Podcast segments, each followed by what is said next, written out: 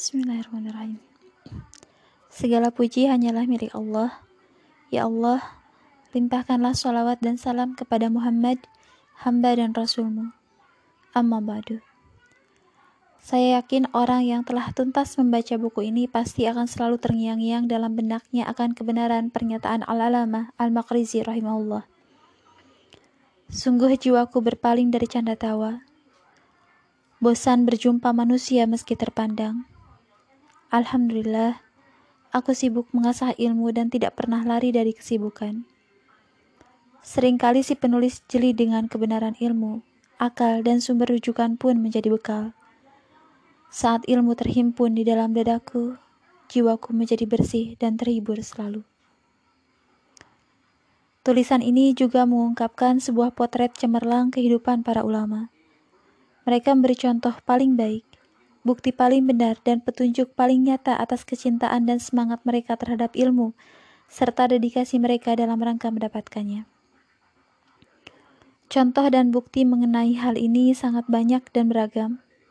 Saya pilih di antaranya tentang kehidupan para ulama bersama buku-buku mereka, yaitu bagaimana perhatian mereka terhadap buku, bagaimana mereka mendapatkannya, dan bagaimana semangat serta kesungguhan terhadap buku. Buku selalu menemani mereka, baik ketika bepergian maupun ketika berada di rumah. Mereka selalu berada dalam kondisi yang mengagumkan, sungguh menakjubkan. Ibnu Qayyim rahimahullah mengatakan, kerinduan para penuntut ilmu terhadap ilmu itu lebih besar daripada kerinduan seseorang terhadap kekasihnya. Kebanyakan mereka tidak terpesona dengan keelokan fisik manusia. Beliau juga berkata, Seandainya ilmu itu bisa digambarkan, tentu ia lebih indah daripada matahari dan rembulan. Saya katakan, jika demikian, bagaimana mungkin orang yang mencintai ilmu akan menjadi hina? Mengapa manusia heran terhadap mereka yang mendedikasikan diri untuk ilmu? Mayoritas manusia mengetahui bahwa ilmu itu mempunyai kedudukan yang tinggi dan mulia. Begitu juga dengan orang yang memilikinya. Semua itu akan bertambah seiring dengan keluhuran ilmu dan keluasan pengetahuan tentangnya, serta pengaruh ilmu tersebut terhadap pemiliknya. Ketika keutamaan ilmu itu telah nyata, kita tidak perlu lagi menunjukkan bukti dan dalil atas ketinggian dan pengaruh positifnya. Semua itu telah terangkum di dalam berbagai buku. Ada dua alasan mengapa saya menyusun dan mengarang buku ini. Pertama, saya melihat para pelajar enggan menempatkan kitab-kitab ilmu pada tempatnya. Mereka menurunkan dari kedudukannya dan sibuk dengan yang lainnya. Sebagian mereka menyangka bahwa dirinya telah berilmu, sehingga tidak perlu lagi membaca dan menelaah. Mereka merasa cukup dengan gelar, ijazah, pangkat, dan jabatan yang diraih. Tujuannya hanyalah meraih gelar, sehingga menolak mencari ilmu. Namun demikian, mereka mengklaim sebaliknya. Mereka mengatakan, biarlah kami meraih gelar dulu. Setelah itu baru kami akan bersungguh-sungguh mencari ilmu. Mengapa mereka justru malah berbalik? Andai saja mereka mencukupkan sampai di sini, namun sayang, mereka justru malah bersantai-santai di atas sofa sambil membentangkan bantal. Mereka berperangai buruk terhadap manusia, menarik diri dari mencari ilmu, dan berbalik mengejar dunia sehingga gelar pun menipu mereka. Andai saja gelar itu diperoleh berdasarkan kapabilitas dan kompetensi diri, maka selesailah urusan ini. Akan tetapi, yang terjadi justru sebaliknya. Gelar terkadang hanya diperjualbelikan, atau terkadang hanya diberikan untuk karya ilmiah yang tidak berbobot. Bahkan diberikan untuk karya ilmiah hasil jiplakan karya orang lain.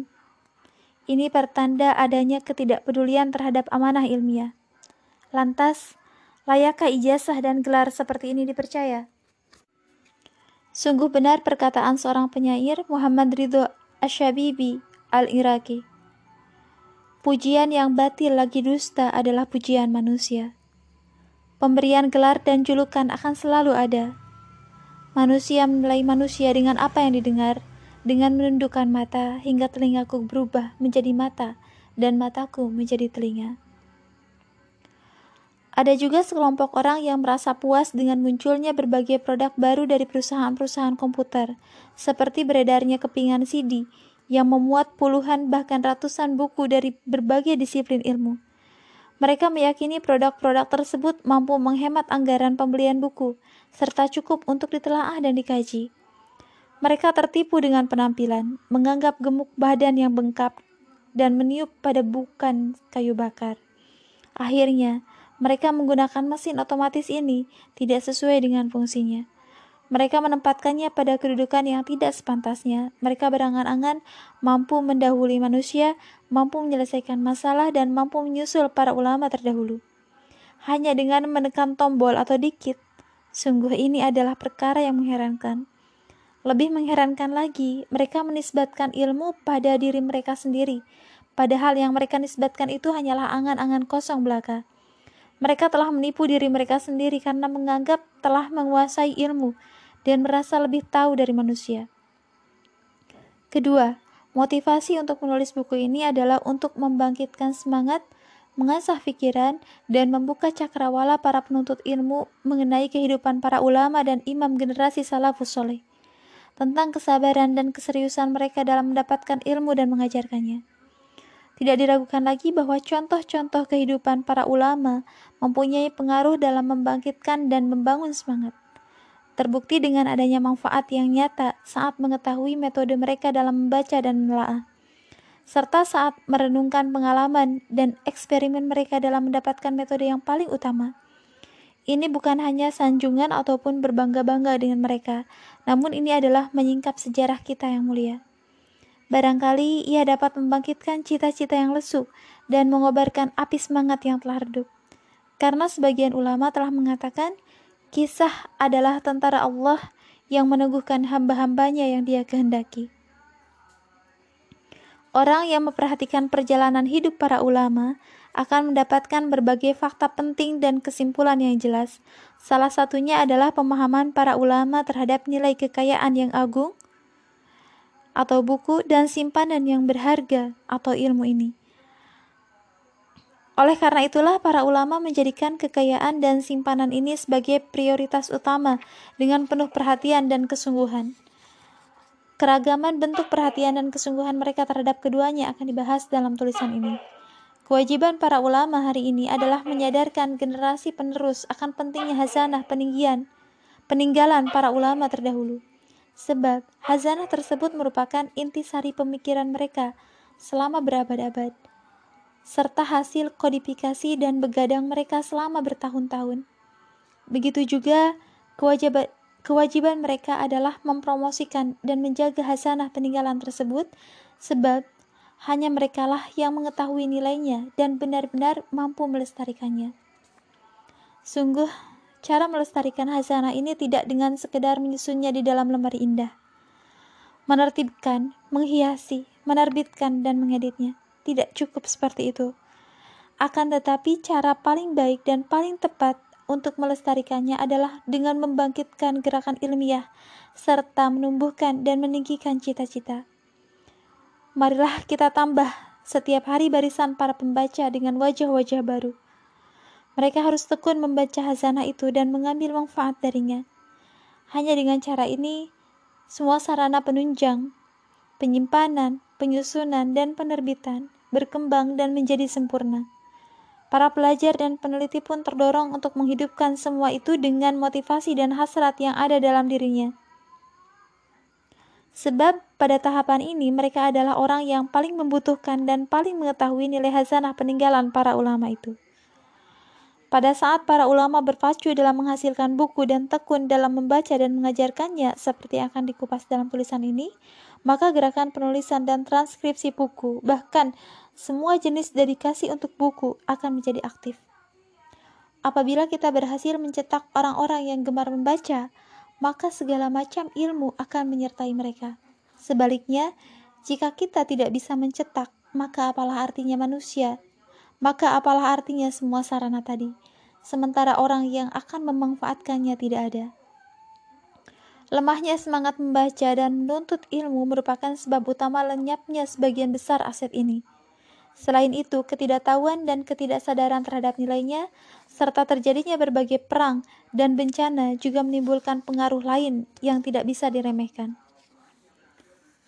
Imam, Imam Ibnu Jauzi rahimahullah yang wafat pada tahun 597 Hijriah mencela lemahnya semangat sehingga menyebabkan hilangnya banyak kitab ilmu terdahulu. Dia berkata, semangat ulama terdahulu sangat tinggi. Buktinya adalah karya-karya tulis yang merupakan hasil jerih payah mereka dalam jangka waktu yang lama. Namun demikian, banyak karya mereka itu lenyap karena lemahnya semangat generasi berikutnya.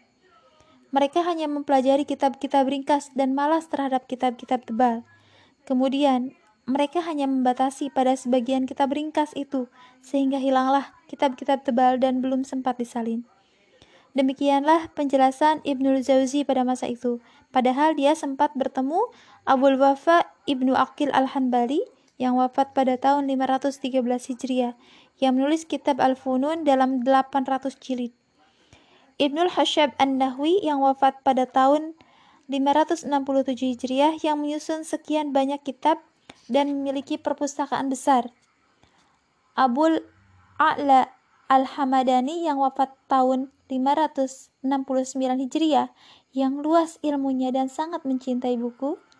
Ibnu Hubairah yang wafat pada tahun 560 Hijriah, seorang menteri yang soleh dan juga ulama yang mengarang kitab Al-Ayadi, Al-Bayda, Al-Ilm wal Ulama, serta ulama selain mereka.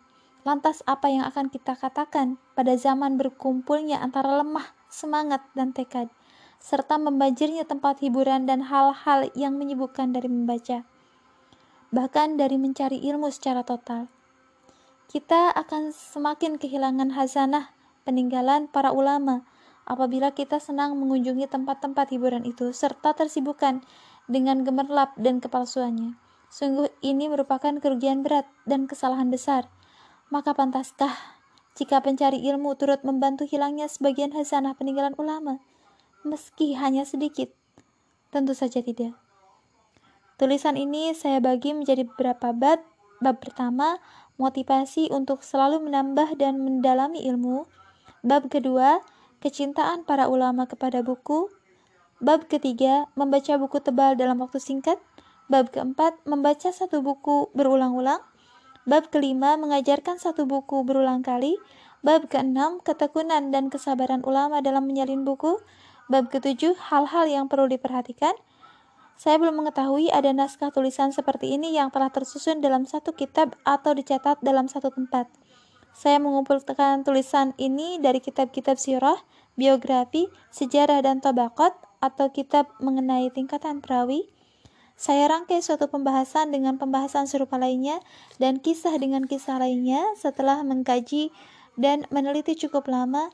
Saya tidak bermaksud melebih-lebihkan, saya hanya ingin membicarakan nikmat Allah dan menghindari prasangka. Saya juga tidak bermaksud mencantumkan semua hal yang dapat ditampung dalam bab-bab buku ini, sebab usaha seperti itu tidak bermanfaat dan tidak perlu. Saya tidak enggan dan merasa tinggi hati untuk menerima masukan dan kritikan. Bahkan hal ini lebih saya harapkan daripada sekedar sanjungan maupun pujian.